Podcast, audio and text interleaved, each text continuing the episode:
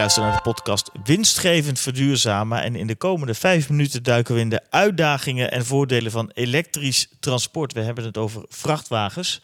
Ehm, dat doe ik uh, met twee uh, experts gelukkig aan tafel. Jan van Rookhuizen van Trends to Zero. Van harte welkom. Fijn dat je er bent. En aan mijn andere kant Sam Oosterhoff van Elix. Fijn dat jij er bent. Dank je. Elektrische vrachtwagens, uh, Jan. Ik heb daar al helemaal een, een, beeld bij over 15 jaar. De snelwegen zijn daarmee vol. Uh, die kant gaan we op. Maar waarom eigenlijk? Uh, omdat het kan. Ja, dat is natuurlijk belangrijk. Dat is mooi. Ja. en, en je hebt een paar drivers eigenlijk. Hè. De zero-emissiezones, voor, ja. voor waar die zijn, is natuurlijk een belangrijke driver. Je, je moet wel iets. Je moet wel, je komt met een diesel, kom je niet elk stadscentrum precies. erin. Ja. Uh, er zijn steeds vaker klanten die erom vragen. Ja. Dus uh, uh, ja, dan, dan, moet je ook wel op een gegeven moment mee. Die willen een wat groenere print van wat ze geleverd krijgen. Exact. Ja. en eigenlijk de belangrijkste, want die, de, dat geldt voor veel meer partijen, is dat op de duur de, de total cost of ownership, de, eigenlijk plat gezegd de prijs per kilometer, lager wordt voor een elektrisch voertuig dan voor een dieselvoertuig. Ja, dus je bent niet meer concurrerend als je niet mee kan. Dus daar, daar, duiken we straks iets verder in. Het is nu nog zo dat die kosten uh, bij elkaar liggen en soms duurder zijn. Maar uiteindelijk ga je de, ga je de strijd verliezen als je hier niet uh, in meegaat, toch? Zeker. En Ja. dat gaat sneller dan veel partijen denken. Ja.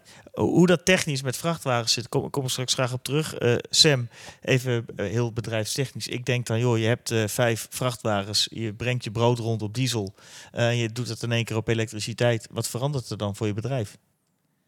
Ja, um, er verandert met name wat in de, in de energievoorziening. Ja. Uh, die je nodig hebt om die vrachtwagens ook te laden. Dus waar je voorheen natuurlijk gewoon naar de, naar de pomp ging en je vrachtwagen volgooide met, uh, met diesel, zul je dat nu.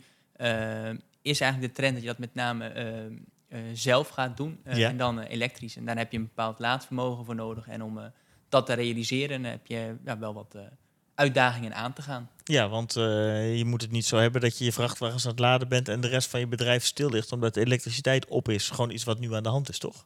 Nee, klopt. Nee, dat, is, dat is iets wat, uh, wat veel, uh, veel voorkomt inderdaad. En, Ja. uh, en wat veel voorkomt is dat die vrachtwagens, ja, dat er gewoon niet genoeg capaciteit is om die vrachtwagens überhaupt te laden. Ja, daar moeten we niet treurig van worden, want er zijn ook oplossingen voor, daar kom ik zo van. Maar laten we, dat is lekker zo in het begin van die vijf minuten, als je nu denkt, wat levert mij dit op?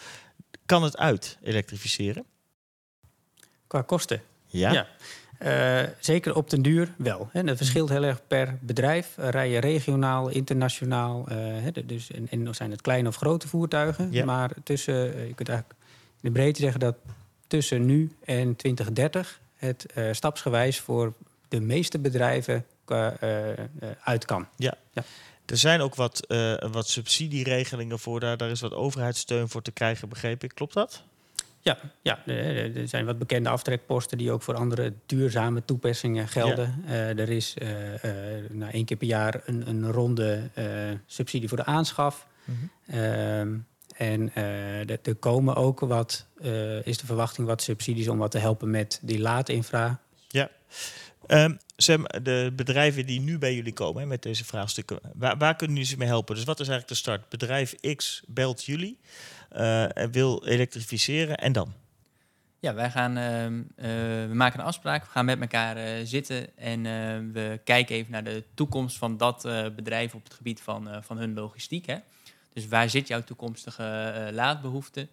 wat zijn überhaupt jouw groeiplannen? En welk deel kunnen we de komende tijd gaan elektrificeren? Mm -hmm. En dan wat we vaak doen is dat we eerst kijken uh, welk deel is het meest eenvoudig om mee te starten. Uh, dus welk deel van jouw uh, float rijdt bijvoorbeeld met name regionaal. Eh, en dan starten we daarmee om die laadbehoefte in kaart te brengen. En ehm, wat is daarvoor nodig om dat te elektrificeren? Ja. nou, dan maken we op die manier een begin. En kijken we, ehm, is het voor jou handig om ook een zonnestroominstallatie te realiseren? Is het nodig om energieopslag toe te voegen zodat je je vrachtwagens kan laden?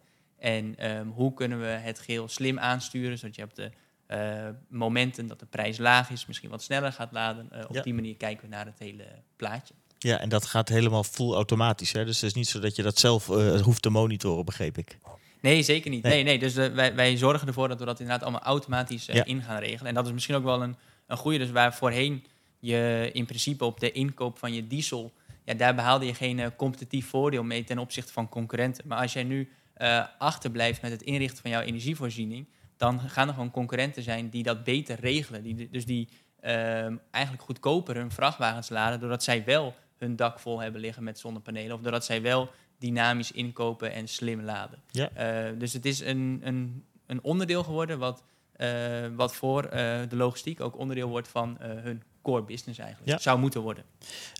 Sam refereerde er al een beetje aan, Jan. Dat, dat gaat ook over kijken naar je data, hè, naar ritprofielen.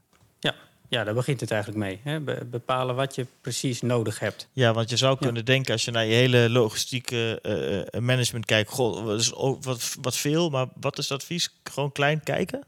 Ja, en, en echt per voertuig. Hè. Ja. Er zitten vaak best wel ook binnen het bedrijf uh, voertuigen zien misschien hetzelfde uit, uh, maar die worden heel verschillend uh, ingezet. Hè. Misschien verschillende klantgroepen, ja. verschillende regio's waar ze in opereren. En vaak kun je met een, een deel veel eerder beginnen dan met een ander deel. Mm -hmm. hè, dus zo kun je het ook uitsmeren in de tijd. Dat wil je ook. Je wil ook niet alle trucks in één keer vervangen. Eigenlijk wat ze in het uh, regionale vervoer doen. De stadsbussen die gaan vast elektrisch. En voor de wat langere afstanden blijven we nog even bij hoe het was. En die komen een paar jaar later. Ja. ja. Uh, heren, uh, ik denk dat het advies is als je je vragen over hebt, dat je je laat informeren door experts. maar de, de, de trein, ik had eigenlijk moeten zeggen, de vrachtwagen rijdt en elektrisch. En dat blijft hij doen. Dus mooie tijden voor de boeg. Dank voor jullie advies en inzichten. Jullie bedankt voor het luisteren en heel graag tot een volgende.